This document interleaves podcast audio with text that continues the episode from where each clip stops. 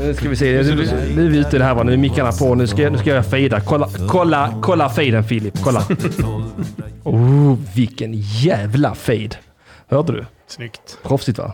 Verkligen. Ja, för att vara en radiopirat så är jag fan mig inte dum alltså. Jag går inte av för hackorna. Ska vi, se, vi provar ringa Dilan på en gång här. Installera Chrome. Det är klart jag måste göra det från Chrome. Vad fan trodde jag? Vad trodde jag? Trodde jag att det bara skulle vara att trycka på knappen här nu och ringa till Dilan? Nej, jag är ju i Safari. Oh, livet va? Mm, loggar vi in här också på denna Facebooken.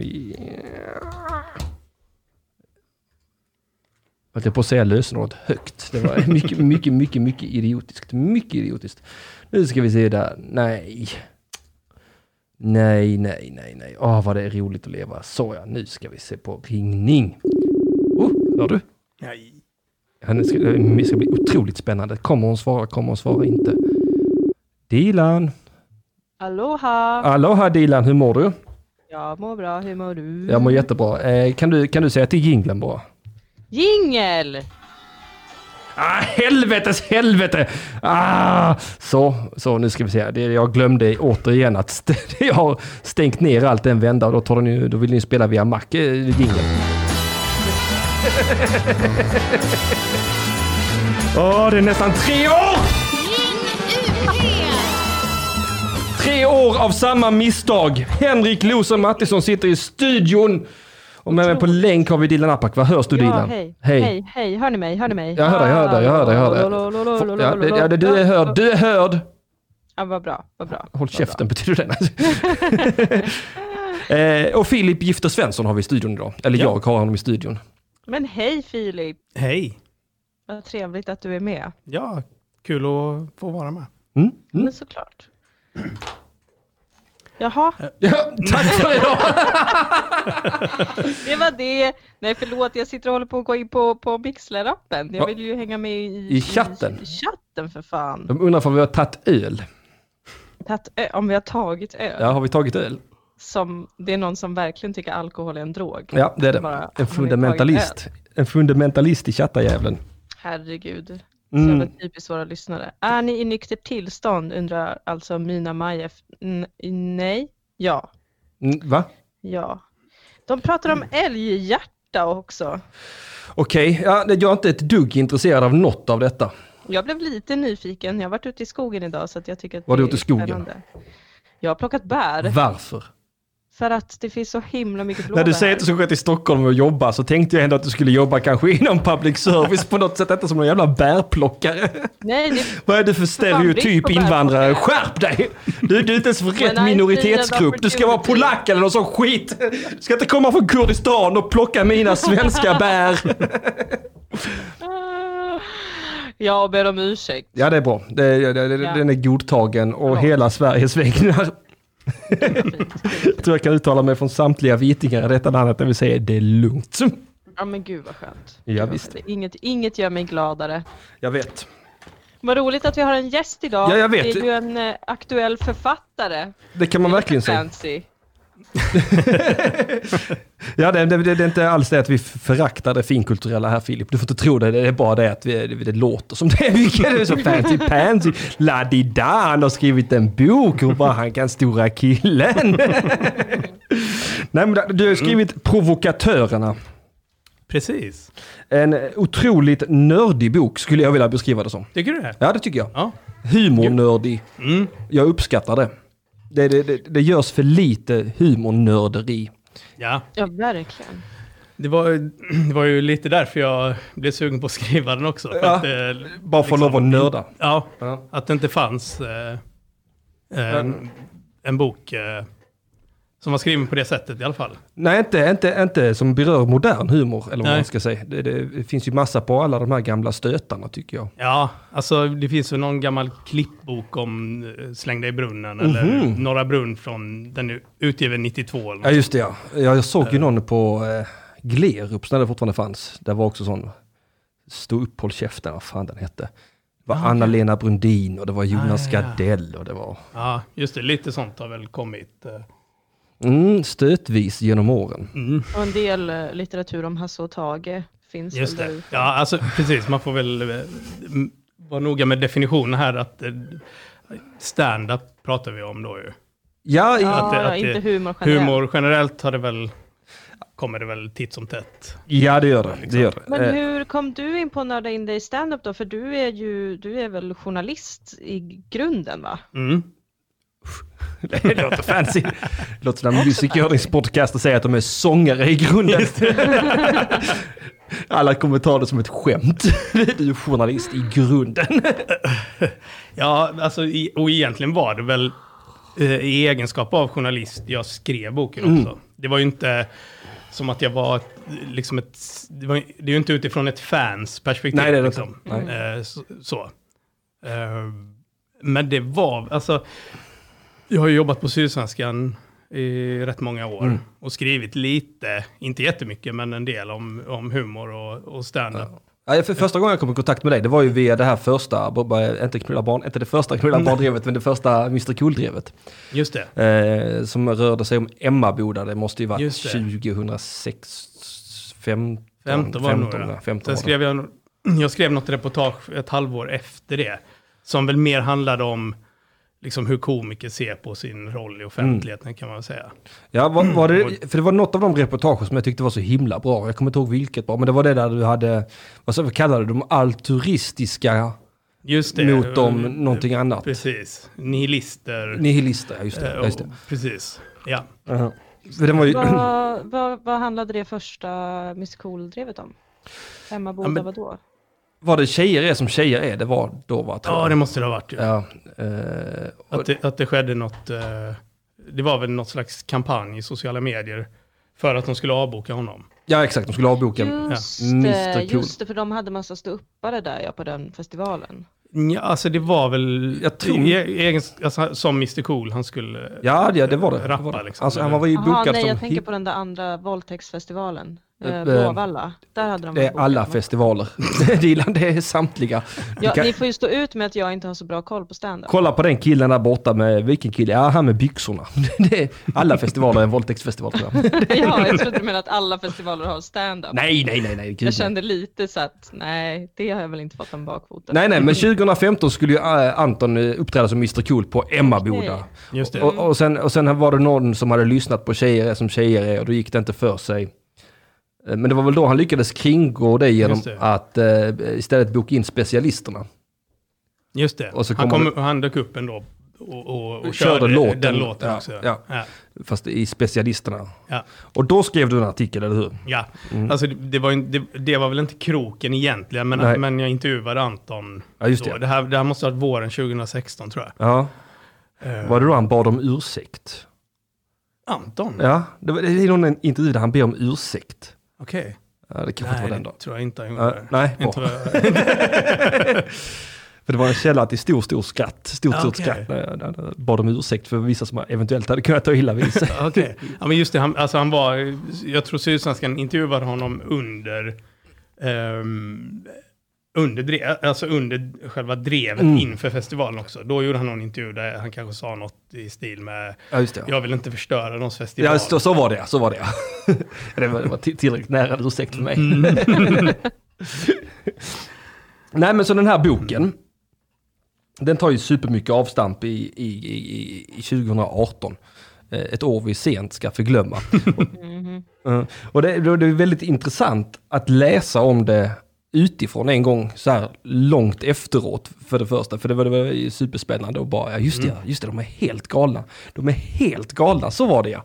Alltså för man, ändå, jag trodde aldrig jag skulle glömma hur helt galna människor är. Men ändå så märker jag, ändå, jag hade ändå läst igenom den, att, att eh, fan jag hade glömt att de är ju helt galna. Va? Alltså, och det är så roligt för att jag ser ju fortfarande på Facebook Eh, folk som, eh, som var väldigt delaktiga i drevet. Jag har en Facebook-vän som, som håller på eh, etablera någon slags eh, eh, influencerkarriär. Ah, okej. Eh, och hon var ju väldigt aktiv under drevet just då. Och jag kommer att påtala det flera gånger att det går inte liksom att liksom ha Jonathan Alvén som någon slags ok, eller alltså okritisk källa. Alltså, det enda man gör det är egentligen, alltså det, det, det, är kontraproduktivt för att, han, för att han är ju säkert den här böghatande galningen som du absolut inte gillar egentligen, men nu bara lyckas det.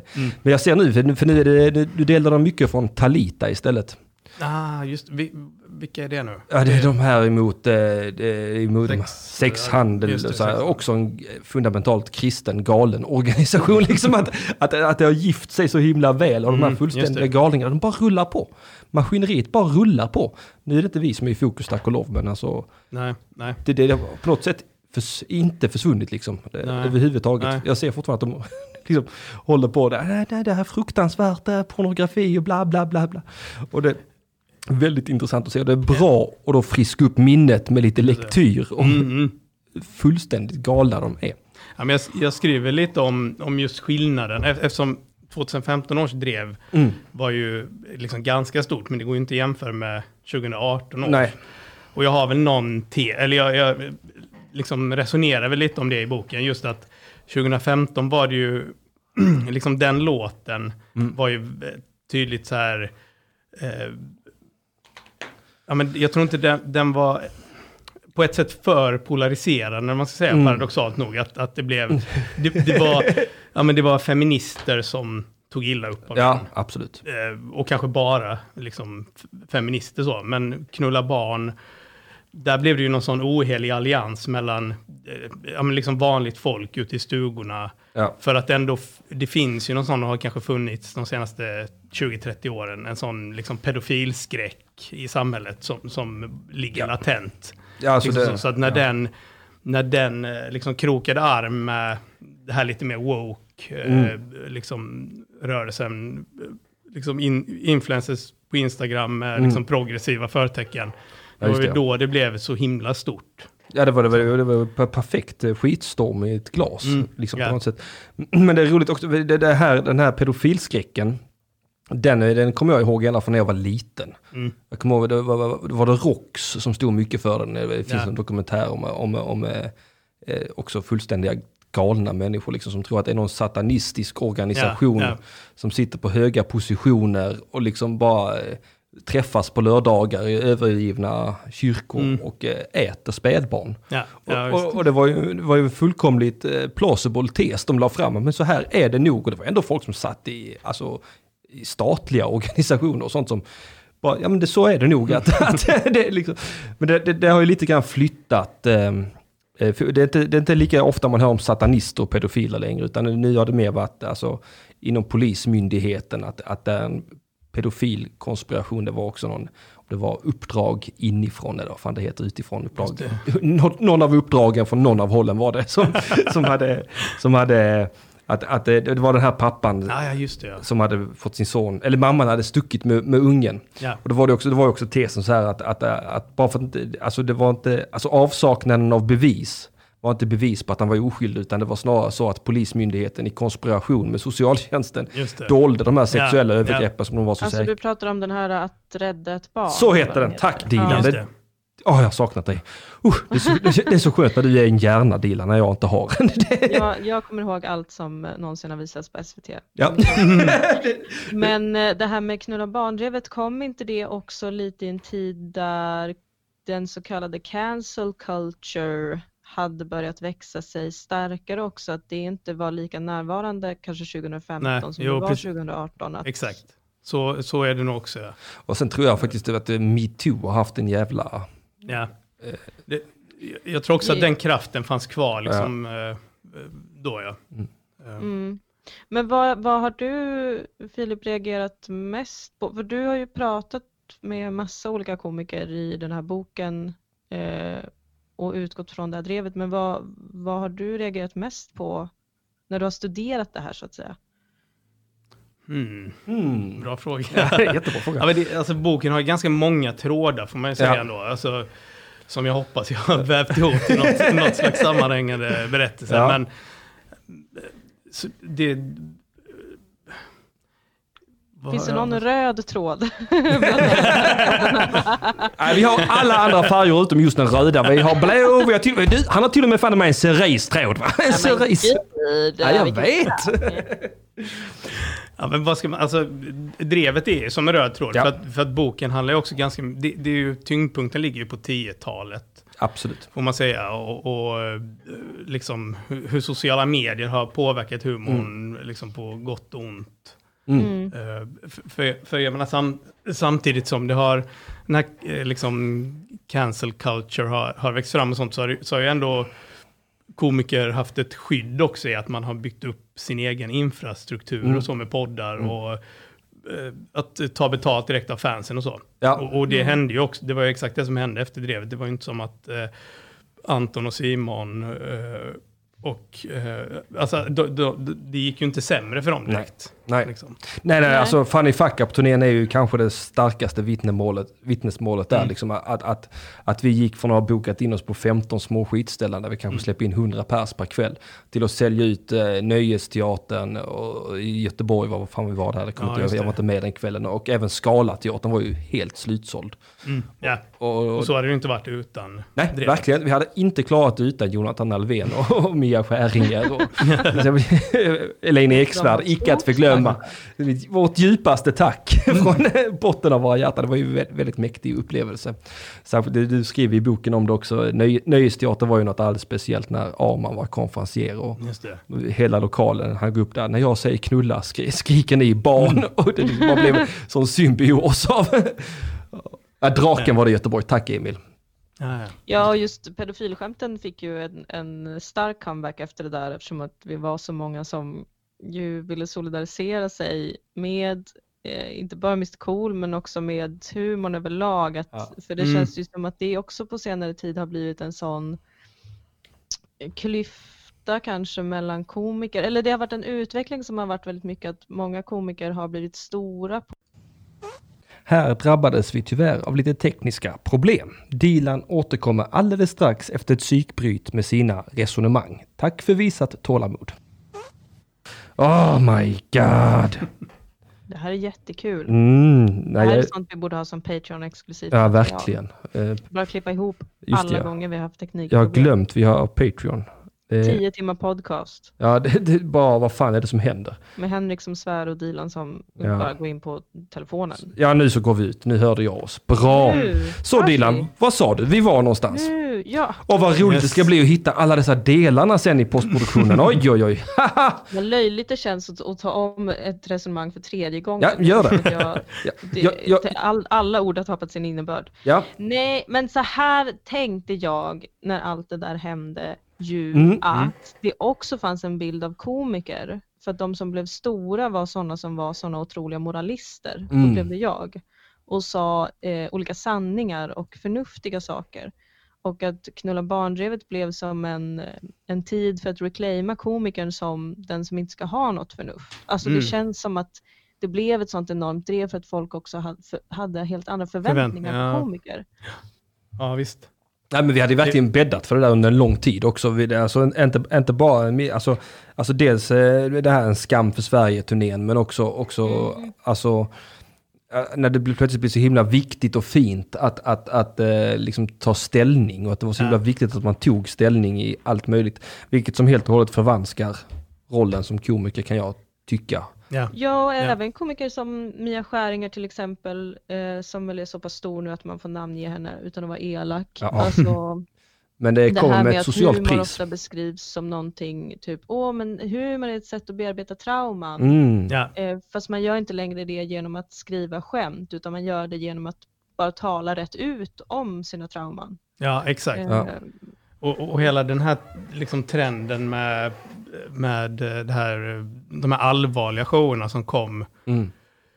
där, Mm. det, där, där det just inte, där liksom trauman och, och, och livs, liksom behjärtansvärda saker och så här, in, Mm. inte kanske nödvändigtvis eh, bakades in i humorn eller kom ut i form av skämt, Nej. utan man skämtade och sen så la man in liksom ett allvarligt parti mitt Ja, det var helt fristående. Precis, Ja. och, och, och som man också kunde eh, liksom marknadsföra showen med. Mm. Liksom, så att det blev en show som handlade om eh, liksom tinnitus eh, Mm. och an- andra, andra Ah, saker. Det är den Så- dummaste, så. det är det dummaste, allvarligaste partiet i samtliga humorshow jag sett i hela mitt liv. Lilla jävla David Batra, sluta, sluta!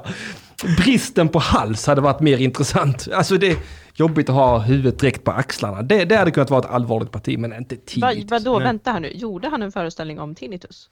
Ja, han kallar den tinnitus, tinnitus det är något, eh, någon annan term. Det var väl roligt men, eh, det var, jag kommer inte ihåg vad showen hette. Ja, just det. Men sen mitt i allt samma släcka han ner, sätter sig bakvänd på en stol och pratar om att det tjuter i öronen ibland. Herregud. Ja men och även typ en komisk depression eh, Just det. var väl lite på det sättet. Också den här som blev väldigt stor, som visserligen kom efter Knulla barnbrevet tror jag, men den här Nanette Ja, exakt. eh, Mm. Just det. som ju egentligen var hennes farväl till stand-up. Ja.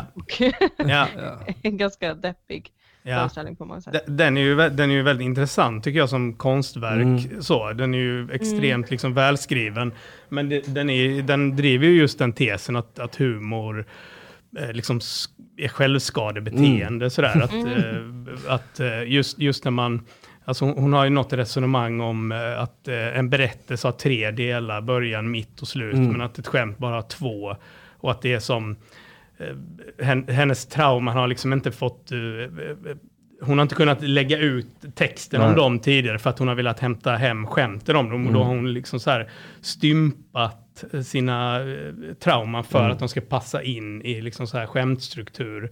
Ehm, och ehm, och ja, men den, den fick ju också väldigt eh, stort genomslag, framförallt i USA, ju, där folk började snacka om att, eh, att det var ute nu med självförminskande humor och, och så. Mm. Ja, alltså det, det, det, det, blir, det blir ju lite jobbigt när, när man liksom eh, tar sig det tolkningsföreträdet för samtliga komiker. Och, och, och att på något sätt med, med, med en väldigt bred pensel kan stämpla allt samman som ett, själv, alltså ett form av självskadebeteende. Att allting som liksom slår neråt, till och med när man slår neråt mot sig själv, det, det, det är liksom, det är inte bra. Nej, Det, nej, precis. Det, det, det, det bygger strukturer eller vad fan det Mm. heter. Att, att, att, det, att det, det, det är väldigt intressant i kapitlet också i Ja. boken. Just för du skriver om Nanette och Hanna Gatsby och sen även om Mia Skäringer. Det är Ja. väl lite på samma tema och jag skriver väl att eh, det är ju Båda de showerna kan väl ses som liksom stand-up för metoo-eran. Ja, Liksom just att man ska göra sin röst hörd och eh, peka på problem och stru- strukturer och så Mm. istället för att och liksom bara vara rolig. det här är dåligt. Ja. Punkt. Men det säger väl också lite om hur kultur konsumeras idag, att det också finns en ehm, förväntan om att allt ska vara så verkligt. Alltså jag tänker att för hon som, vad heter hon, Hannah Gatsby heter hon. Mm, mm, ja. Ja, för henne som gjorde den föreställningen så finns det ju ett syfte för henne som konstnär antagligen. ja, ja, visst. Att prata om humor på det sättet och förklara vad det har gjort med henne. Ja. Men att publiken ju också har, alltså jag har ju varit väldigt irriterad på komiker som har blivit moralister, men jag är också lite irriterad på publiken. Att det eh, blir så himla, då är det ju verkligen de som tar sig det tolkningsföreträdet att se på humor och humorister som några som bara berättar om sig själva helt ofiltrerat. Ja, Mm. ja, visst. Fast det verkligen. verkligen inte alltid är så. Nej. Nej, Nej alltså, framförallt så, alltså, just den här tesen Hanna Gatsby driver där om att, att en historia har tre delar, ett skämt har två. Jag tycker att om inte något annat så är det ett vittnesmål om att man är en slapp eh, humorförfattare.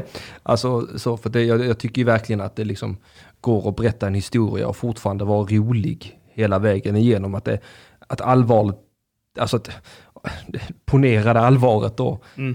absolut går att mixa i en blender bara. Och bara alltså, det, det, jag, alltså det är precis som man har fått för sig att, att bara för att det är roligt så negerar det på något sätt allvaret. Att, Mm. att, att, att, och, det, och det trodde jag länge var en svensk grej, men Nanette är ju verkligen beviset på att Mm. min tes är fel där. För jag tänkte att det är, det är sån eh, Jonas Gardell-skada vi har liksom att Mm. att det ska vara så jävla eh, högkulturellt, finkulturellt, sitta och tvinna mustaschen och tappa Ja. monokeln och Ja. gråta en skvätt. Va? Att, för, för på något sätt, så, i alla fall upplever det supermycket så i Sverige, att det som bara är roligt, liksom, det, det har man alltid lite grann sett så på Stefan och Christer, man har lite grann sett ner på det. Men, men så fort man liksom har ett trauma någonstans, så är det plötsligt ja, högkultur på något sätt, att, att, att det blir Ja. mycket, mycket, mycket finare. Mm. Dilan, är du kvar? Ja. Ja, hej Dilan. Och det, det, en, eh, jag tror inte jag skriver om den i boken, men det finns en intressant roman också av eh, eh, den israeliska författaren David Grossman som heter En häst går in på en bar. Ja. Eh, som utspelar sig helt och hållet under en, på en standupklubb under en kväll. Ja. Och eh, den här komikern då, som har varit en sån riktig skabrös, eh, liksom Ja. oborstad typ, Ja. vill eh, under den här kvällen berätta ett eh, så här barndomsminne, Mm. eller eh, så här barndomstrauma.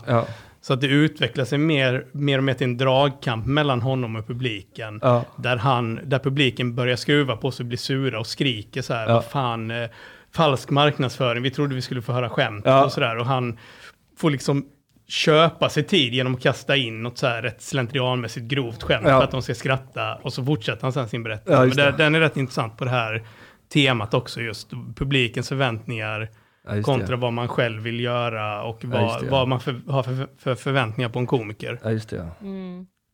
Ja. Ja, sen, men sen också, vi, det, det, det, kanske den, min, min favoritdel i hela boken.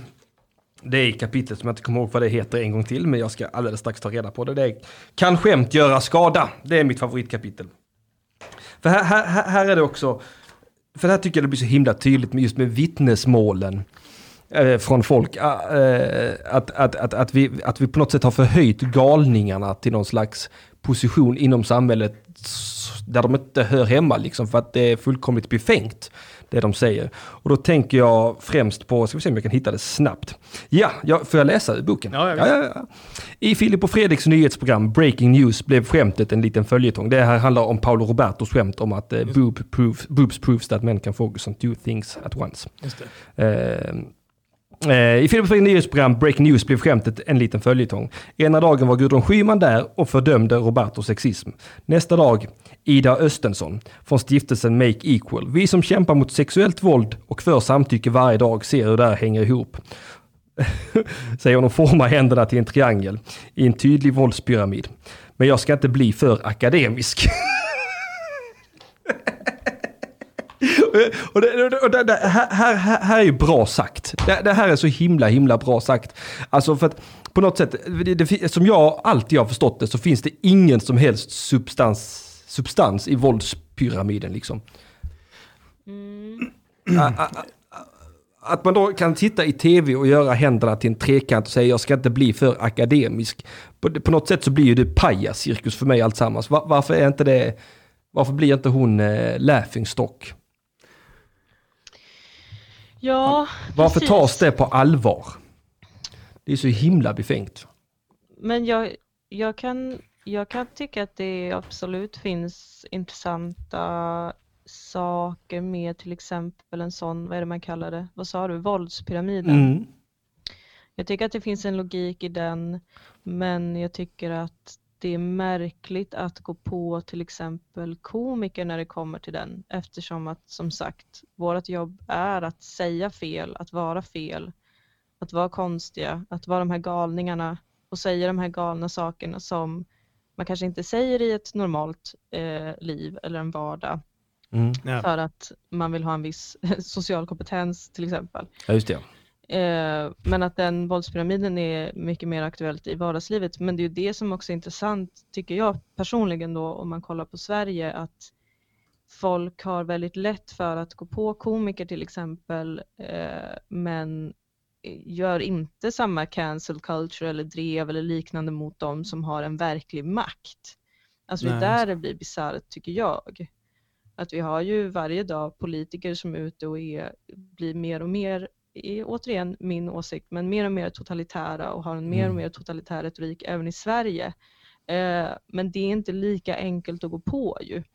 Nej. Nej, alltså jag tror absolut slapphet har med detta att göra lite grann. Att, att det är så himla mycket enklare att, att- göra sig till oväns med knulla barnlåten än vad det är till exempel hon den här, vad hon nu hette, du vet hon Dilan som vi har haft uppe här en miljon gånger. Hon som, hon som eh, från Folkhälsomyndigheten fick det här eh, beskedet om att narkotikapolitiken inte var lönsam, att den bedrevs på felaktiga grunder och att Ja, just det, Hallengren. Hallengren ja. Och, och hennes svar var bara, "Men det spelar ingen roll vad forskningen kommer fram till, vi är ändå säkra på att vi har ju fattat rätt beslut.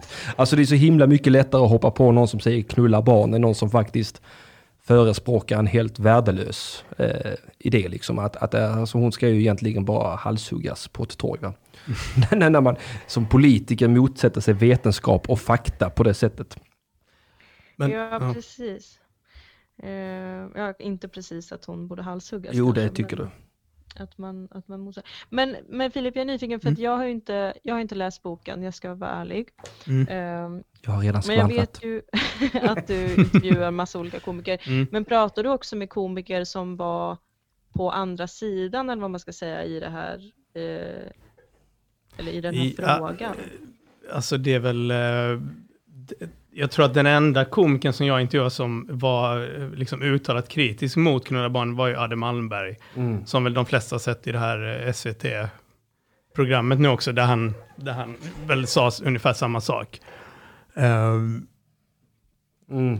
sen tror sen är, jag, jag har ju inte stött på så många komiker som är liksom är kritiska mot Mr Cool Nej. faktiskt.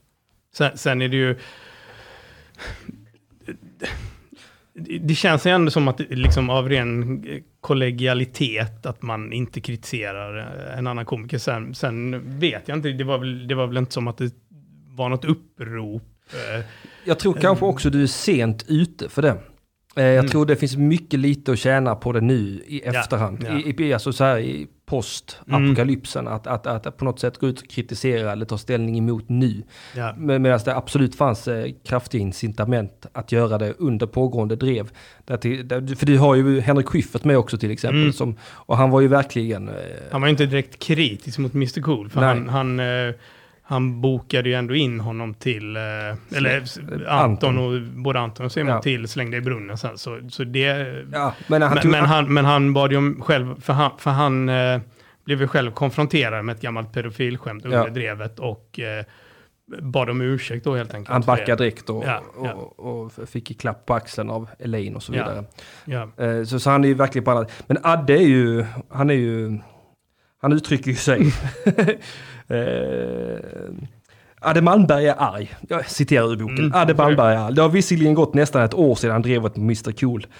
När vi en regnig majmorgon ses på ett café i Helsingborg. Han regisserar fars på Fredriksdalsteatern för tillfället. Det är därför han är här. Men han brusar upp när drevet kommer på tal. Och det är inte drevarna han retar sig på, utan komikerna. Det är de här tramskillarna som håller på med det här. Mr Cool, jag skulle vilja... Han örfilar i luften framför sig. att, äh, det, det, det, det, han vill ju slåss va? Han är sugen på slagge den här killen. Han är ju våldsam, det hör ju jag. ja, Men det där är ju också intressant apropå det här med liksom kollegialiteten och att man kanske inte vill kritisera för att där drabbar ju polariseringen även oss. mm, Att Mm. det hade säkert kunnat finnas en intressant diskussion och behöver ju alltid finnas en diskussion om hur man kan uttrycka sig och vad som egentligen är roligt och vad som är skaligt och la la la, Mm. allt det här. Men att för att debatten alltid är så polariserad så finns det som ingen chans för det. Jag tror att man också Nej. blir rädd för att motståndarsidan ska börja plocka poänger på ändå. mm, Mm. Att liksom, nej jag kanske inte tycker att knulla barn är jättekul, men det måste ändå få finnas eller liksom, mm. förstår ni hur jag menar? Ja, jag förstår Att den- menar. Diskussion som också försvinner som jag tror hade varit bra för komiker för att hela tiden utvecklas också. Ja. Ja, men Jag tycker ändå, det, det var ändå en sägning jag tyckte man kunde läsa och se förvånansvärt ofta under drevet. Det är att jag tycker inte låten är rolig, men den ska få finnas. Jag vet Magnus Bettner uttryckte det Ja. flertalet gånger. Ja. Och det var många i, på kultursidan också som Ja. hade, hade den hållningen också. Ja, att, eh, men det är ju, jag har också sett en hel del pudlande angående det i efterhand. Att, mhm. ja, den var rätt rolig. Ja, du menar så, åt det hållet? Ja. Ja, jo visst. Ja. Att, att man man liksom backar tillbaks bandet och, och ändå anser att ja, men det här var ju ändå ganska roligt. Ja, ja. Men, men eh, jag skriver ju också om det, alltså, om vi ska backa till det här med våldspyramiden Ja, eh, lite, Mm. så är det ju, det är inte som att, men som Dilan var inne på, det, det, det, det, den, det, själva pyramiden i sig är ju, det är ju liksom en så här sociala medier-illustration eh, som är väldigt förenklad såklart. Eh, att, att, det, att det nödvändigtvis skulle vara, för, för det, det den säger är ju att skämt är en förutsättning för grövre eh, liksom Ja, trakasserier och så, eftersom det är själva basen då. Mm. Och att man också sätter skämt i samma ruta som andra trakasserier och så. Ja, ja, absolut. Eh, sen så, jag, jag skriver ju om, om den, för hon, hon från Make Equal då som var i, hos Filip och Fredrik Mm. och pratade om den här, hon, de fick en fråga sen från någon på sin Facebook-sida, alltså, vad, vad finns det för forskning som backar det här? Och då hänvisar de till en, en psykologiforskare, då, en, amer, en amerikan, som har gjort mycket sådana experiment på just eh, liksom hur, hur, ja, hur folk eh, reagerar på Mm. skämt. Ja. Och, eh, om, och om eh, att, att han gjorde den undersökningen som de hänvisar till handlar just om kan skämt fungera som ett slags utlösare av eh, liksom sexistiska impulser, Ja. eller vad man ska säga. Mm. Och eh, eh, det han kom fram till, då får, då får man ju nämna också att det, det är liksom 70 deltagare, Ja. manliga studenter i USA. Så det är också frågan hur generaliserbar den är, även om det, alltså resultaten. Det är ett mycket klent underlag. Ja. 70 deltagare, det är ju ingenting för fan. Och det skriver han också om Mm. eh, själv, att det, det är svårt att veta exakt, för det Ja. är väldigt fiktivt. Och, och liksom. Mm. Men, men då, då testar han ju helt, helt enkelt då, först eh, liksom ta reda på hur sexistiska de är i, från början. Ja. I ingång, sexistiskt ingångsvärde. Ja. Liksom. Och sen så testar han då genom att utsätta dem för olika, vissa får läsa liksom van, neutrala skämt, Mm. vissa får läsa sexistiska skämt Mm. och vissa får läsa sexistiska allvarligt syftande Ja. uttalanden. Liksom. För att då är ju tesen att det, och, och då vi, kan han väl på något sätt visa i det experimentet att eh, de som är sexister från början och får höra sexistiska, vanliga, allvarliga Mm. uttalanden, de blir inte mer sexister, för då blir det ju som att man, man har en liksom, blick utifrån på sig, att det är Ja. inte okej och visa uppskattning för ett sexistiskt uttalande, men när det, väl, när det är kamouflerat i ett skämt Ja.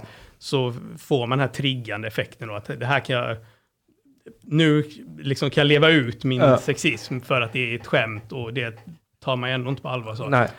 Men, men eh, det intressanta är ju att den visar ju tvärtom också, att de som inte hade sexistiska värderingar från början blev ju liksom min... Det de har som eh, mått på sexism är ju då hur mycket pengar man skulle vara villig att sk- skänka till en kvinnoorganisation. Ja, just det ja. Och de som var liksom icke-sexister, om man säger, eller det fanns ett samband mellan ett lågt sexistiskt ingångsvärde och att få höra ett sexistiskt skämt då. Mm. Då skänkte man ju mer pengar till den här Mm. organisationen. På grund av skämtet då? På grund av ja, skämtet. Ja, ja. Så att det är ju inte så enkelt att säga som att det den möjligen kan visa då är ju att, att eh, ens liksom egna värderingar stärks då. Mm. Men det blir ju åt båda hållen. Ja. Liksom.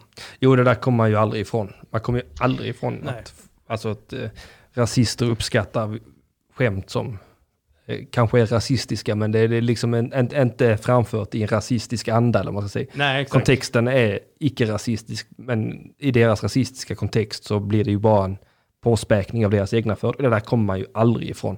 Nej, ja, så- i, I just Sverige så blir ju den pyramiden, när det kommer till rasism, också lite så här eh, verkningslös på något sätt eftersom att vi eh, i, i, i den svenska kulturen så är ju, vi har ju, vad ska man säga, objektivt sett stora problem med eh, rasistiska strukturer, vilket man har mätt väldigt mycket på arbetsmarknaden till exempel. Vi har ju jätteproblem med etnisk diskriminering på Mm. arbetsmarknaden i Sverige. Men här är ju den också eh, väldigt svår att komma åt eftersom att det så himla sällan rör sig om direkt rasism. Alltså till exempel ett väldigt rasistiskt språkbruk. Mm. Eh, det är så himla himla mycket mer subtilt och då blir ju en sån pyramid också den spelar ju ingen roll i det sammanhanget. Det Nej. blir ett väldigt trubbigt instrument. ja. Alltså jag, jag, jag- alltså jag kan ju, alltså jag kan, på- jag har ändå försökt, men jag kan verkligen inte liksom se mer allvar i våldspyramiden än i Armans folkmordsgiraffen. Alltså jag, jag tycker det li- lirar lite på exakt samma, alltså det, det, ja, mänskliga hjärnan letar efter mönster och former och, och här kan man presentera mönster och former. Det, det, det blir en behaglig känsla men man, jag tror inte man ska lägga sin tillit till det riktigt. Och som Ja, Emil men Ki- den är väl pedagogisk på ett sätt för att, just för att den är så förenklad. Att det är så här, ja men ju mer vi tillåter, ju mer, ju mer vi exponeras för något desto lättare har vi att tolerera det eller tycka om Mm. det. Till exempel rasism. Ja det är Ja, klart, det. har man jättemycket rasism omkring sig så kommer man kanske ha lättare att bli det. Så- Alltså det är ju självklart. Mm. Men att ta ut det på en sån stor samhällelig nivå är väl kanske lite knepigt. Emil Kiri skriver i chatten, eh, det är en gammal spaning men pyramiden kan vara mer sann om man vänder den upp och ner. Och det är ju en sån sak som jag också vill hävda med bestämdhet. Att det är mycket rimligare att vända på den där, att, att, att botten är toppen och toppen är botten. Att, att liksom, de här sakerna förekommer i samhället och folk tar itu med det genom att intellektualisera det på, på olika sätt. Vissa är allvarliga om det, vissa skämtar om det. Liksom. Ja. Mm. Ja. Att, eh, jag tycker i alla fall det känns betydligt mycket mer logiskt, för jag är ganska övertygad om att mord, våld och våldtäkt har vi liksom haft långt innan vi liksom började formulera skämt, eller vad man ska säga. Ja, alltså det blir det är en intressant tanke att tänka att om vi, om, all, om vi bara skulle sluta skämta, Ja. eh, eller om vi bara skulle ha snälla skämt, Mm. och ta bort basen då. Ja. Att, att Mm. om man skulle få, få, få ner morden till noll då. Ja. det hade varit väldigt intressant. Det, ja. Ja. Mm. Ja, visst. Men det, det, det, det, känns ju inte, det känns ju inte rimligt att det skulle hända. Nej. Bara för att det liksom skulle upphöra att skämta som någonting. Måste, Nej, jag tycker det mest konstiga är att man ger komiker så himla himla mycket makt. Alltså jag visste Mm. inte innan Knulla barnrevet att vi hade en sån enorm makt i samhället. eh, att påverka människor. Eh, det har ju gett mig hybris efteråt. ja. Mina ord är lag. Ja, just det. Ja, det, men det, lite grann den vibben får man ju. Och, och det, det, det- alltså, det är många som inte har varit sena på, på, på, på att spä på den idén. Liksom. Men det, det tror jag kan vara något av en komikerskada också med tanke på att vi är ganska så grandiosa egon i grunden tror jag. Att, Mm. att åh, det jag säger är så himla, himla viktigt. Och, och, och, och sen när det liksom ändå ges agens utifrån också så tror jag att det är lätt att man går i den fällan. Om man Ja, är visst. Ja. tv-kändis och allting plötsligt bara så, oh, oh, det är så viktigt vad jag tycker och tänker. Att, Ja. Men, men, men sen är det är ju, det, jag tycker ju själv att liksom den här frågan om vad man får skämta om och sånt Mm. kä- känns ju, alltså jag har ju varit ganska ointresserad av den Ja. i boken, men det är ändå intressant så här vid vilka spänningsfält humor blir kul ja. och, eh, och i olika ti- tider och Mm. i olika sammanhang och så. För att, för att det är ju, man kan ju inte, det, det kan ju bli löjligt att säga att det inte spelar någon roll heller Ja. vad man säger. Alltså, Ja. Det är ju också, den roligaste humorn kanske är den som balanserar precis på gränsen Ja, mellan, där, där det är liksom inte jättelångt till att det bara kan bli ett, eh, eh, ja men så här, ett hatbrott. Eller, ja, men, som Ja. exempel finns ju, det finns ju en, en komiker i Paris Aha. som heter Dieudonné, sånt, en ja. svart eh, snubbe från förorten liksom, Mm. som under typ 90-talet var en eh, cool eh, stand-up-komiker. Ja, okej. ja. Men som är så här, typ, någon, om det är Marine Le Pen eller någon av Ja. Le Pen, eh, pappan eller Ja. eh, mamman är liksom gudmor eller gudfar åt hans barn. Ja. Och han har blivit en sån här riktig antis, antisemit liksom. Ja. Eh, och står på sin teater och bara liksom hatar på judar och så. Och det, han säger väl fortfarande att han bara är en skön komiker. Ja, som, men, men jag tror också att liksom, om, man, om man är så besjälad av att hata någon Ja. eller har något annat projekt sådär, då blir man ju också sämre komiker. Till slut är det ju inte komiker. Ja, Lex Aron Flam lite grann här. För han Jag låter ju... inga jämförelser i övrigt kanske med just den här. Nej, nej, nej, nej, nej, men alltså... Ja, ja, men- nej, men jag tror att, jag tror att eh, sjukan är densamma men symptomen är olika där lite grann. Att han har snöat in på det är judarnas fel och sen har vi Aron som ska krossa socialismen. Att det är liksom... Ja, men det, precis, om om man blir, om man vill, alltså det blir lite samma sak så här, som vi pratade om innan, att förväntningar på komiker och så, Mm. att om man, vill man något för mycket som komiker, så tror jag att man upphör liksom till slut att vara komiker. Ja. Ja, ja, För, att, för att om- du vill påverka så måste du ta till, det finns kraftfullare vapen än skämt. Absolut. Eftersom skämt i någon mån liksom tar udden av sig själva för att de är så tvetydiga Ja. och, och så. Ja. Ja, alltså om det är något jag har lärt mig under de här åren som jag har arbetat med humor så är det ju att jag blir som roligast när jag har i, bakom lyckta dörrar Ja. bearbetat mina egna känslor inför det jag vill prata om. ja. Och inte längre har något, liksom vill påverka eller vill eh, uttrycka mina egna privata känslor eller liknande, utan Nej. att man hittar det här rena, det som rent konkret och faktiskt är eh, kanske en paradox eller roligt på något annat sätt Mm. i det man vill säga. Mm. Men det är lite det jag också tänker på med att även vi komiker blir polariserade av det här för att då blir det ju som vissa komiker som vill göra motstånd mot den här diskussionen eller de här förväntningarna på komiker och tror att det bara att man bara är kul genom att säga typ ja ah, jag våldtog någon idag Mm. eller du Ja. är en jävla neger eller Mm. liksom Ja, du vet ta de här, så här laddade laddade grejerna och bara säga dem Och det är så här, ja, då kanske du gör tvärt emot vad folk vill, men det betyder inte att det är kul. Nej, nej. Nej, men alltså det där är ju någonting som har kommit jättemycket i kölvattnet av detta. För det där, de går ju på dussinet nu för tiden. eh, De, de som glömmer bort självaste hantverket i humorn, ut- utan bara ska ha, alltså det gick ju inflation. Alltså, alltså hade det inte varit för knulla barndrevet så hade ju, hade ju pedofilskämt varit så jävla blasé nu. Ja men det hade det varit. För att det var verkligen en sån jargong, det var den stämningen i hela stand-up-scenen. Det var, ah, det är lite hack. Ja, det, det, har blivit hack. det har blivit hack och så skojar om att knulla barn. Och så kommer det här jävla drevet som bara laddar om det magasinet. Mm. Och jag, vi drog ner tonvis med garv på knulla barnskämtet plötsligt igen. Ja. Det var på- precis som man hade väckt någonting som, som hade lagt sig sovandes latent. Men problemet är ju, ja men det är ju pre- precis som du säger Dilan, att, att, det, att det kommer, alltså folk som inte är så jävla intresserade av hantverket i att skriva ett skämt eller man ska säga, eller, eller formulera ett skämt eller hur fan man ska uttrycka det.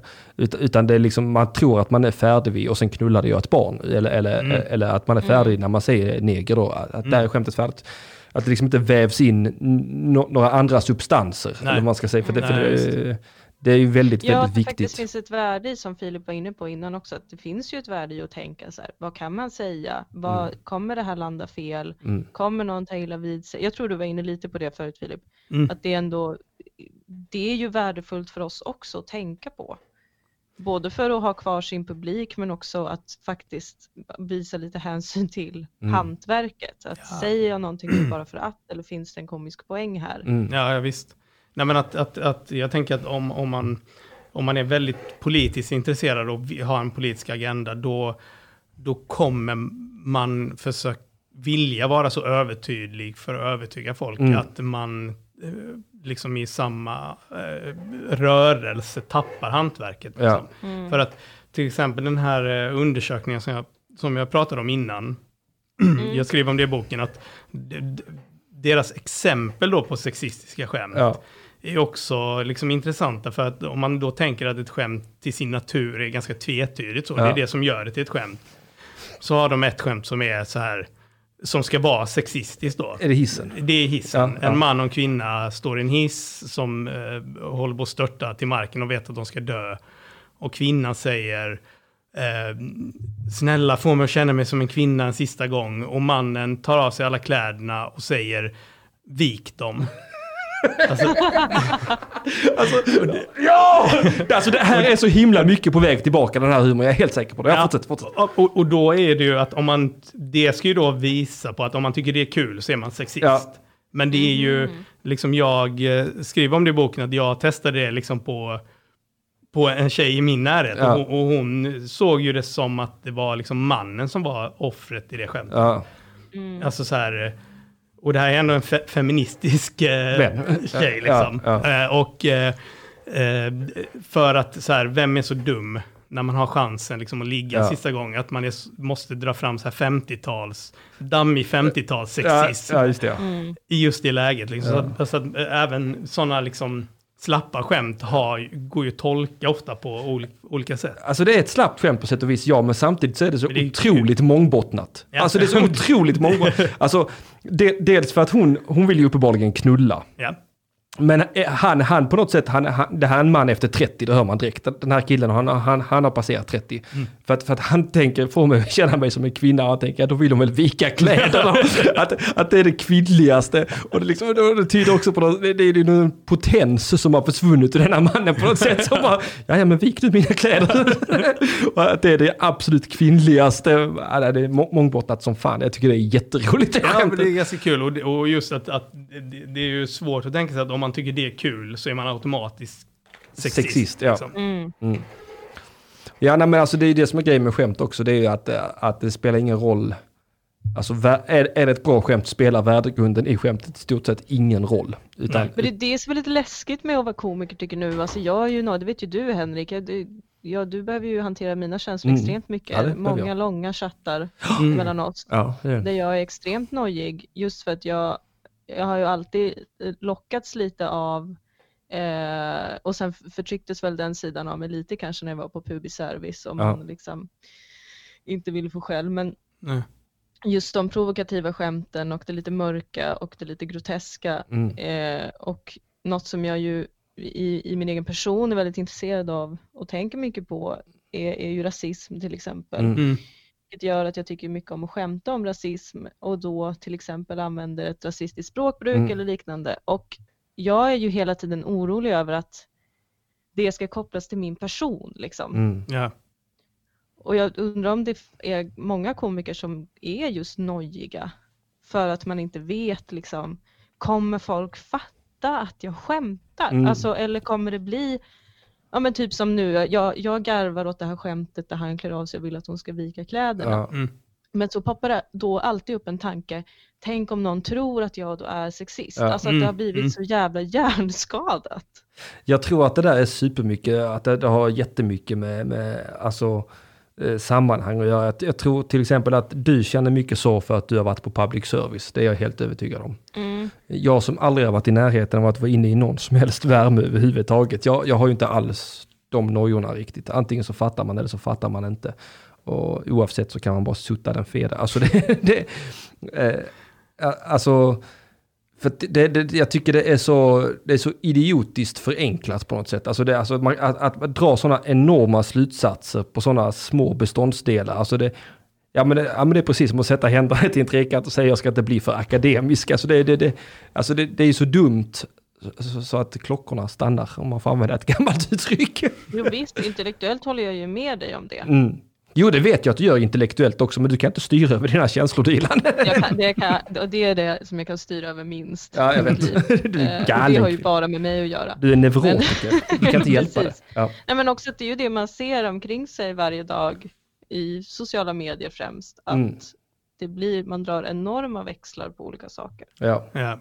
Men så funkar det ju inte riktigt i verkligheten, vill inte jag påstå. Nej. Alltså att det, det, där, det där är en fultolkning av självaste verkligheten. Kanske det tydligaste exemplet någonsin, det, det, det var ju när Markude Linde gjorde det här där han klädde ut sig till en tårta, en svart tårta, så skulle de ta tårtbitar ur könet. Eh, och och, och det, var, det var ju en källa till mycket, mycket, mycket skämtande på scen. Men det var ju också ett ständigt trevande kring ämnet, för det var så jäkla svårt att beskriva med ord vad det var. Och då gick jag ju på scenen en kväll och så bara kallade jag för vad det var. Alltså gapenegerfittetårta. och, och, och, och där finns det ju verkligen ingen finess, det finns, det, det finns liksom inget genomtänkt. Men det blir ju väldigt roligt för att det bara var så jävla... Alltså det var bara, nu, nu nu bara släpper vi pretensionerna. Alltså, Ja. nu försöker vi verkligen prata om någonting och det är jättesvårt att prata om det. För att vi tassar omkring det, för att vi har inte språket att prata om det. Nej. Men om vi då bara, bara för en sekund bara tillåter oss och, och, och, och säg orden och bara så, ja, nu landar vi i detta, Mm. detta var vad som hände. Så blir det också väldigt förlösande på, på många sätt tror jag. Jag tror det är därför folk har skrattat åt det, för det är ju verkligen inget roligt skämt liksom. Nej, nej, men det var väl en särskild tid då Ja, också. ja, att, jo, att, det- eh, det- det hade ju varit konstigt att gå upp och dra det idag. Ja, det hade varit superkonstigt, det skulle jag aldrig kunna göra idag. Ja, men när Det var ju ytspänningen där jag ville åt exakt. genom att liksom gå upp och, och bara, bara ja men nu bara fucking säger det. För nu, nu har vi stått här och tassat runt en halv kväll liksom. Och, Ja. och det har blivit sån himla spänning kring, alltså det är som när Anton eh, gjorde på, på roasten också med Petrina. Att, Ja, det. liksom att, att, att bara, Ja. bara, bara riva det där tornet och bara släppa pretensionen på att, på att framstå som en rimlig, logiskt, eh, ideologiskt korrekt människa med fina värderingar. Utan Mm. man bara liksom för en sekund bara vågar släppa. Ja. Men jag Men tänker... vad Kodeli... Förlåt. Ja, förlåt. Nej, säg du. Okej, men, men jag tänkte bara på det här du sa Dilan också, att eh, just att man funderar på hur, hur skämt ska landa och så. Alltså, Mm.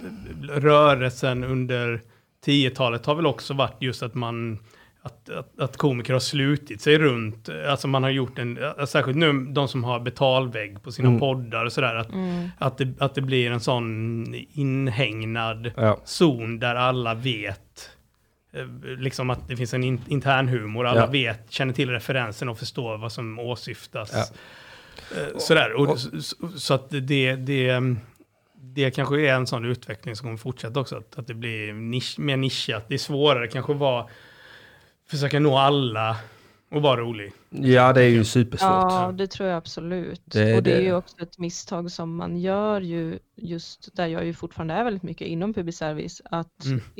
man vill, alltså den humor, och det är något som jag och Moa har varit väldigt utmanade i när vi har skrivit våran serie, att där vill man ju också göra saker som ska vara så breda som möjligt. ja. Och då märker man direkt hur mycket humor som går förlorad, för att det går inte att det går inte. Det Nej. blir Nej. inte humor då. Det är ju alltid nischat på något sätt. Alltså det är ju det som jag tycker har blivit så himla tydligt med tiden. Alltså framför allt sen Anton och Simon kom in och började dra till. Alltså för att humor innan dess, ah, okej oslipat undantaget, på besök undantag. Alltså det fanns de här små gräsrotsrörelserna där, där det var väldigt fritt och högt i tak. Men alltså där 2005, 2006. När, precis när jag hade börjat. Mm. Det, det, alltså det var ju det var ju ett mindre helvete. För jag, jag kom ju ändå med lite intentioner när jag började med stand-up. Jag, jag ville ju säga det som är fel. Jag ville, Mm. jag ville prov, prova massa olika infallsvinklar och, och så. Men, men det var ju, alltså det var ju supersvårt att liksom ta upp, alltså för det skulle, vara, det skulle vara så himla brett. Alltså till och med klubbarna var ju i stort sett företagsgig, utan man skulle Mm. tänka så brett som möjligt. Man, Lena Frisk hon bankade in tillsammans med Elin Nordén de här skämtstrukturerna i huvudet på en, alltså så här skriver du ett skämt, så här, alla måste förstå referensen. Alltså, och, och, publiken var ju i stort sett, alltså de var ju nästan aldrig under 40, 45, 50. Liksom, de, de var ganska hög medelålders. Stand-up hade ju en väldigt låg, alltså low standing bland ungdomar. Ja, för att det var, ja. just för att representanterna som fanns där ute, det var liksom inte några unga kids, utan det var ju Adde Malmberg och sådana. Det var ju super, supertöntigt liksom. Mm. Men det, det, det märkte man ju direkt när, när Anton och, och eh, Simon började, att, att plötsligt så kom deras eh, lyssnare eh, och, och tog med sig en helt ny generation av publik på något sätt. Och det, och det blev ju himla mycket lättare att vara Henrik Mattisson till exempel, på grund av att de kom. För att helt plötsligt behövde man liksom inte tänka så himla mycket på att nu, nu ska den här referensen skrida över 30, alltså nu, nu, tre, fyra generationer. Nu ska jag liksom få tre olika generationer att skratta åt min generation. Alltså, det var, så, det var så himla mycket jobb med det där. Mm. Mm. Men nu är det mycket lättare. jag vann. Ja, jag tror att det också lite är en ekonomisk fråga. Mm. Alltså att kulturstöden stadigt minskar i många regioner Mm. och att liksom för att få pengar för det man gör så måste man också gå direkt till publiken. Det är också en enorm risk för finansiärer att investera i humor till Mm, exempel, ja. just för att man vet hur laddat det är nu. Visst. Så att jag tror att det är både, både en fråga om innehåll men också om pengar faktiskt. Att det, Ja. att det blir mer och mer betalväggar och liknande. Ja, stand-upen har ju varit väldigt förskonade från just kulturstöd och sån skit. Mm. Det, Just det. det har varit, alltid varit väldigt skönt äh, att ha det som ett S i rockärmen. Att, äh, fan, kan, kan vi med en lastpall och en mikrofon få det här att gå så borde ju även stora teatrar kanske anpassa sig lite efter marknaden. Ja, det är väl där ståuppare har, har haft jävligt mycket kött på benen från början, men jag tänker humorister runt omkring det som kanske inte har varit renodlad stand-up har ju också behövt Ja. börja röra sig ditåt. Ja, ja, absolut. Och jag, det, tycker, det tycker jag är välkomnat. Alltså, Mm. kan, kanske att man som kreatör ska, eh, ska tänka lite på vad som marknadsmässigt är gångbart, vad folk vill titta på istället för att det här känner vi får göra. Alltså behöver, behöver vi ytterligare en genusillustration av Hamlet? Alltså jag vet inte. Mm. Ja, men det, det, men eh, det, det kanske inte är någon slump heller att, det, att i Sverige i alla fall att det är just eh, komiker som, eh, som har varit väldigt framgångsrika med just Patreon och, Mm. och bygga upp en egen, eh, liksom, ja men kapa alla mellanhänder mellan fans och de som vill lyssna och Ja. Mm. komikerna själva. För att det är en sån konstform som kanske mår rätt bra av att slippa massa överrockar och mellanchefer och sånt. Eh, gissar jag i alla fall. Mm. Mm. Gud ja. Särskilt och verkligen i Sverige som ju, alltså det är ju ett jävla litet land liksom. Ja. Det Ja. blir ju så himla himla likriktat om något ska f- ja, ja, funka på något vis. Och så, Mm. även så kan ju humor inte heller vara. Det funkar inte om det är likriktat. Det går ju emot själva humorns essens på Ja. något vis. Mm. Ja. Nej, oh, tack! Vi får, man vill inte störa i så många bra sagt, säger de i chatten här. Tack, säger vad härligt. Ja, Men vad spår du i framtiden då Filip, förutom det här eh, som vi har varit inne på nu med att eh, betalpoddar till exempel, eller betalväggar och allt det här växer. Har du någon mer liksom framtidsvision för humorn? Du som ändå har studerat den nu. Ja, men det, det känns väl som att den alltid går i cykler sådär. På ett sätt, eh, alltså om man ser själva infrastrukturen och så kring humor, det lär väl bara fortsätta det här Mm. med med eh, att ta betalt direkt av fansen, Ja. känns som. Mm. Eh, det är ju fler och fler poddar som, som typ går runt bara på, på donationer eller prenumerations... eh, Alltså prenumerationsavgifter. Ja. Så det lär vi fortsätta, men sen vet jag inte, det, kä- det känns ju som att under eh, liksom andra halvan av 10-talet att det ändå har svängt lite, att, att, eh, att det är en generation komiker som vill ta tillbaka det här att bara vara komiker. Ja. Mm. Eller hur, kä- hur Ja, känner ja. Alltså så här som... Jag håller med. Mm. Alltså, det, det är väldigt, alltså, det, alltså det är så himla roligt att ta, Mia Skäringen, det är ett väldigt tacksamt exempel här. Mm. Hon döper showen till No More Fucks To Give och det är bara givna fax rakt igenom. Alltså, hon bara öppnar den portmonnän och bara låter det regna fax. Och, och, och, och hur man ska göra, vad som är rätt, vad som, alltså att det blir så himla, det kommer en sån himla tydlig ideologi med det hela, det känns så himla påtvingat och det känns så jävla snärvt. Därför är det ju väldigt, alltså det är väldigt skönt att tillhöra den delen av humor-Sverige som jag faktiskt har fått komma in och tillhöra. Att man är på underjord, man är på oslipat, man är på de här härliga ställena där det faktiskt är lite högt i tak och det, det är brett. Och, och bara för att man säger ett skämt på ett visst sätt så betyder det liksom inte att det det betyder liksom ingenting, det är ett skämt. Var det Nej. kul så var det kul, var det inte kul så var det trist. Ja, Mm. visst. Mm. Mm. Och det är väldigt, väldigt skönt. Ja, jag vet inte riktigt vad jag tror alltså. Det var ju lite när, när internet blev en grej och Youtube kom och att folk liksom var väl där någonstans det kanske började med att folk kunde ta saker och ting lite mer i egna händer och bygga sin Mm. egen fanbase och bygga sitt eget uttryck. Men sen har man ju sett många av dem bli upplockade. Också för att det är så härligt för beställare och finansiärer att ta någon som redan har byggt en publik. Mm. Ja. Eh, Ja, absolut. Det där kan man ju verkligen, det tycker jag är så himla tydligt till exempel från SVTs håll. Att, att, Absolut, Hur- hur- absolut. hur man- och det man- fortsätter ju än idag. Och det kan göra mig lite orolig. ja, du menar det här körsbärsplockandet? Ja, Ja, jag undrar om det liksom, om, det, om vi kommer fortsätta strypa humorn på det sättet. Tills folk inte orkar mer liksom. ja det tror jag absolut. Alltså det, det, det är ju fortfarande en, eh, en välsignelse av Guds nåde, eh, tror jag. Eh, I alla fall upplever jag den eh, jargongen mycket bland eh, eh, de nyare generationernas komiker. Att det fortfarande är väldigt, väldigt fint med, med, med public service eller, eller, Mm. eller vad det nu kan vara. Att, att det är många, alltså det är, vi behöver inte hoppa en halv generation tillbaka sen när när folk liksom började med stand-up för att få producera radioprogram på P3. Liksom. Att, det. att, att det har blivit en sån himla, i alla fall här i Malmö blev det ju väldigt intimt och insnärt de två. Mm. Och jag, och, så sen, och jag tror också absolut, och det är ju himla roligt att se nu eh, hur Sveriges Radio till exempel plockar eh, alltså folk och, och vill ha poddlyssnarna, de vill, de vill, de vill komma åt, de vill, de vill, att man på något sätt vill förstatliga, man tar, podd, man tar succépoddar och så vill man på något sätt stoppa in det i maskineriet, stympa det och sen ändå få ut samma produkt i slutändan och det, det kommer ju aldrig gå.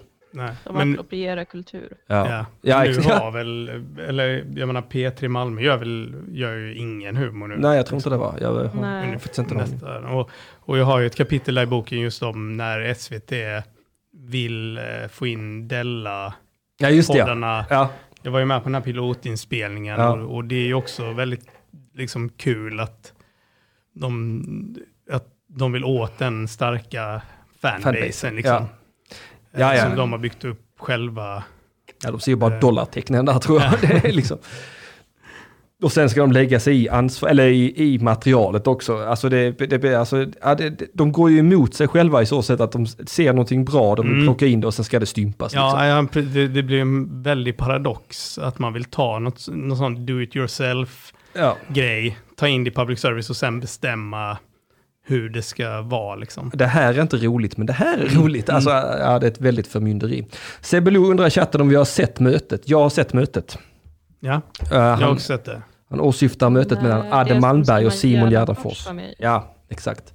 Där de, Nej, jag har faktiskt inte sett det. Nej, jag har sett det. det. Jag tyckte det var eh, intressant. Det blir ganska kul ju. Ja, det blir ganska Eh. roligt. Eh, Slutet var absolut roligast. När, eh, Just det. när Simon säger att ja, jag har lyssnat på Adde och tagit in och jag ska helt sluta skämta om, om sex med barn. Tyvärr så har Adde lyssnat på vad jag har sagt och kommer hädan efter bara skämta om sex med barn. Så det blir ett himla plus minus noll. Emil Keri skriver att public service är ju också en plantskola. Det minns jag Ja. att eh, man, Fast är det verkligen det lite om P3 fortfarande? Alltså det är väl inte det nu, Nej. men har väl varit Nej, det har absolut varit. Alltså Ja. jag menar kolla på alla oss som har jobbat med tankesmedjan till exempel. Ja, ja. Men det, det, Det- i, i boken skriver, jag kopplar ju det väldigt, man, det ska man inte glömma heller, att P3 Malmö var, födde ju verkligen en Ja, det komikergeneration gjorde kan man ju säga. Mm, Eh, absolut. Så. Eh, Men det är... Ja. Ja men det, det är helt sant, för det, det, det, var ju, det, var, det var ju min generation eller vad man ska säga. Eh, Som blev, Ja, ja. som blev plockad i, i, i ett axplock där som gjorde det framgångsrikt på något sätt. Att, att det, det var ju Kringlan och Fritte och Ja, Marcus och, fan och hans moster som, som kom där i samma svep som jag och, och som började göra barn-tv och radio och, eh, och, det, Ja. och, Tankesmedjan och Pang Prego och Hej Domstol. Mm. Det var ju väldigt mycket bra som kom Ja, ja visst. ur en, genera Ja.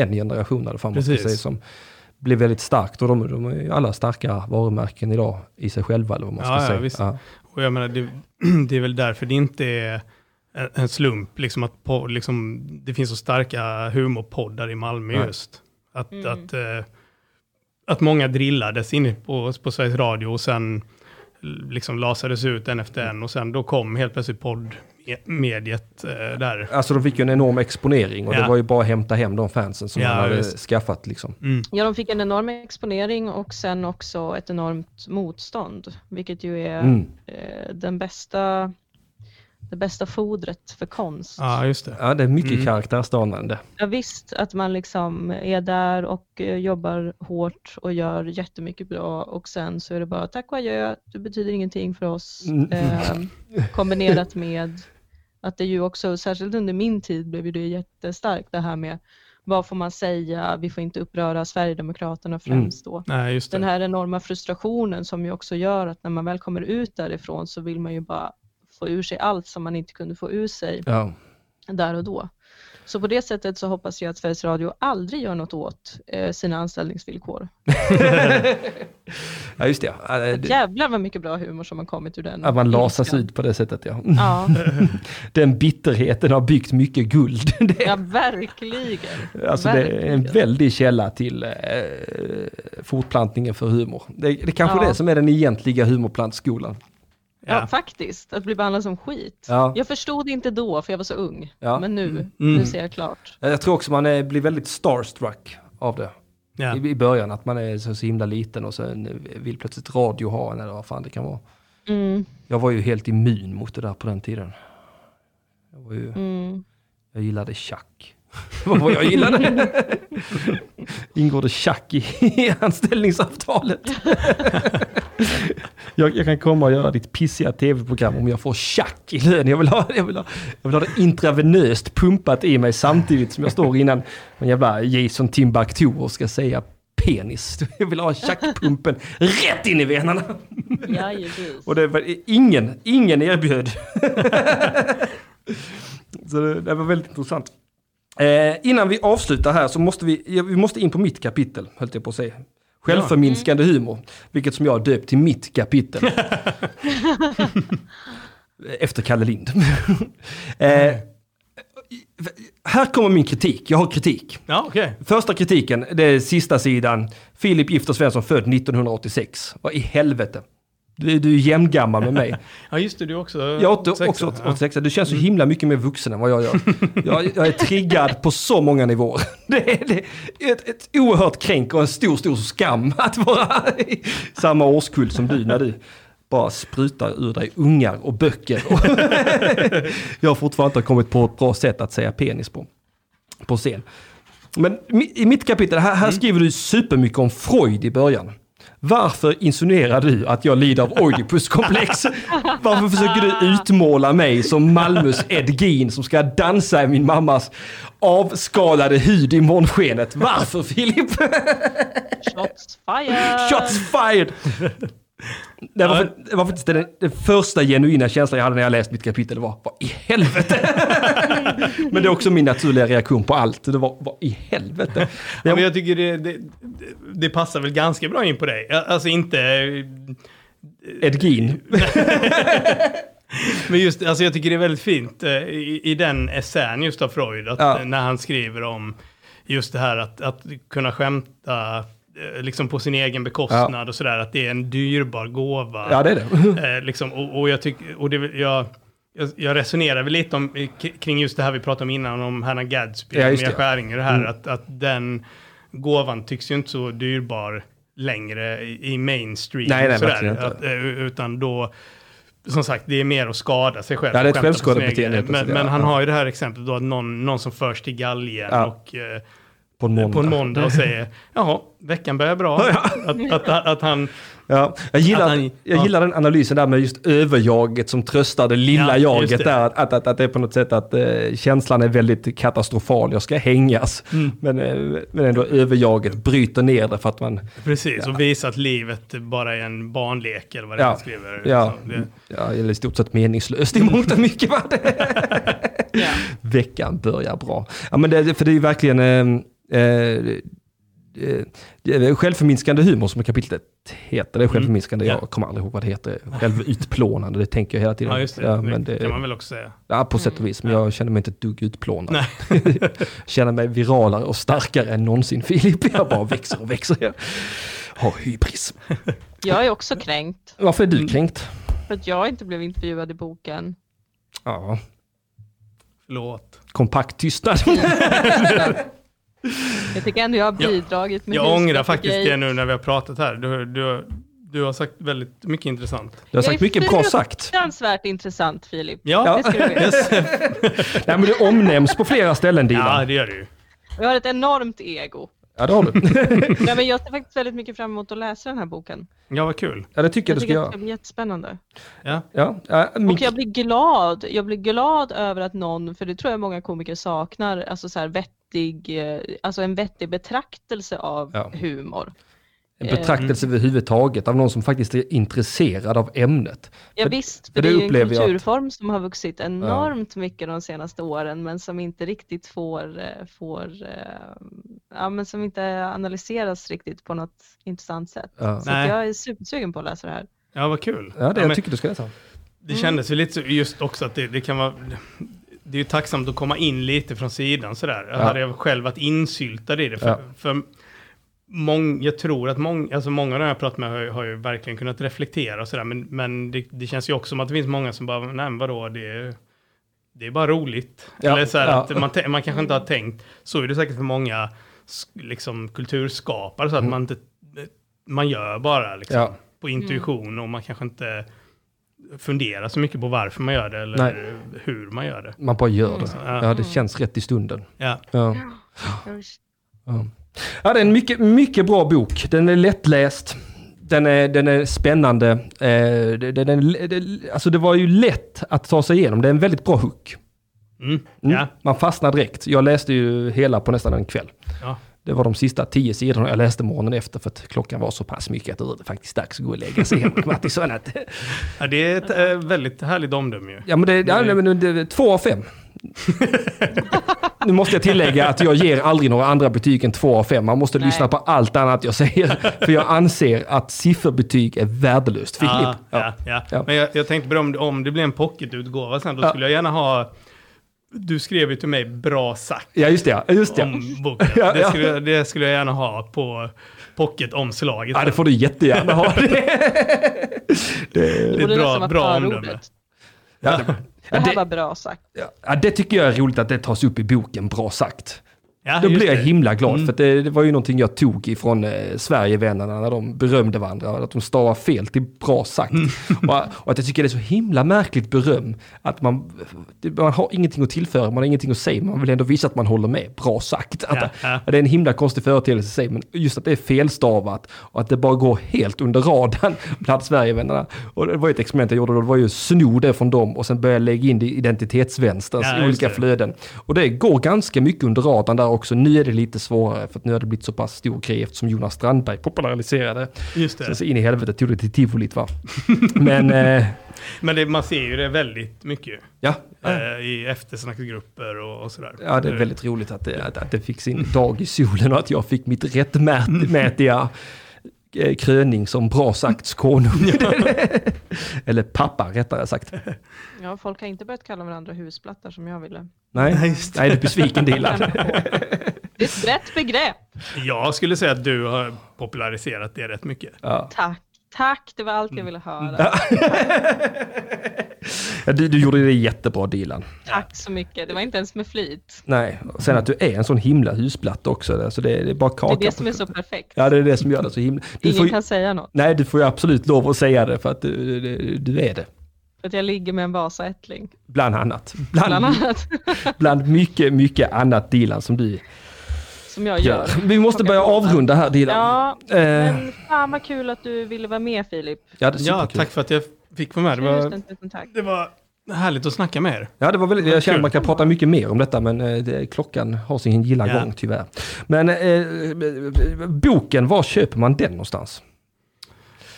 Hmm. I alla boklådor och Mm. på nätbokhandlar och sånt. Mm. Finns det som Eh, e-bok? Det tror jag. Det ska den Finns den nu. som eh, ljudbok? Det gör den inte, inte än i alla fall. Ska den finnas?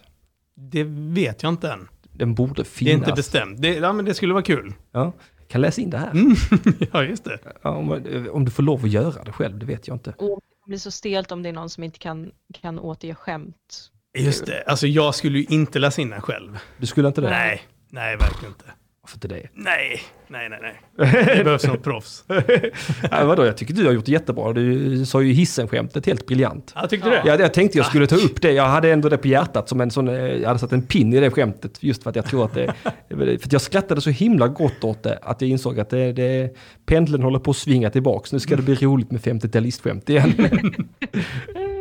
att det var så himla, det var befriande. Mm. Mm. Ja. Dilan, ska vi göra reklam för någonting?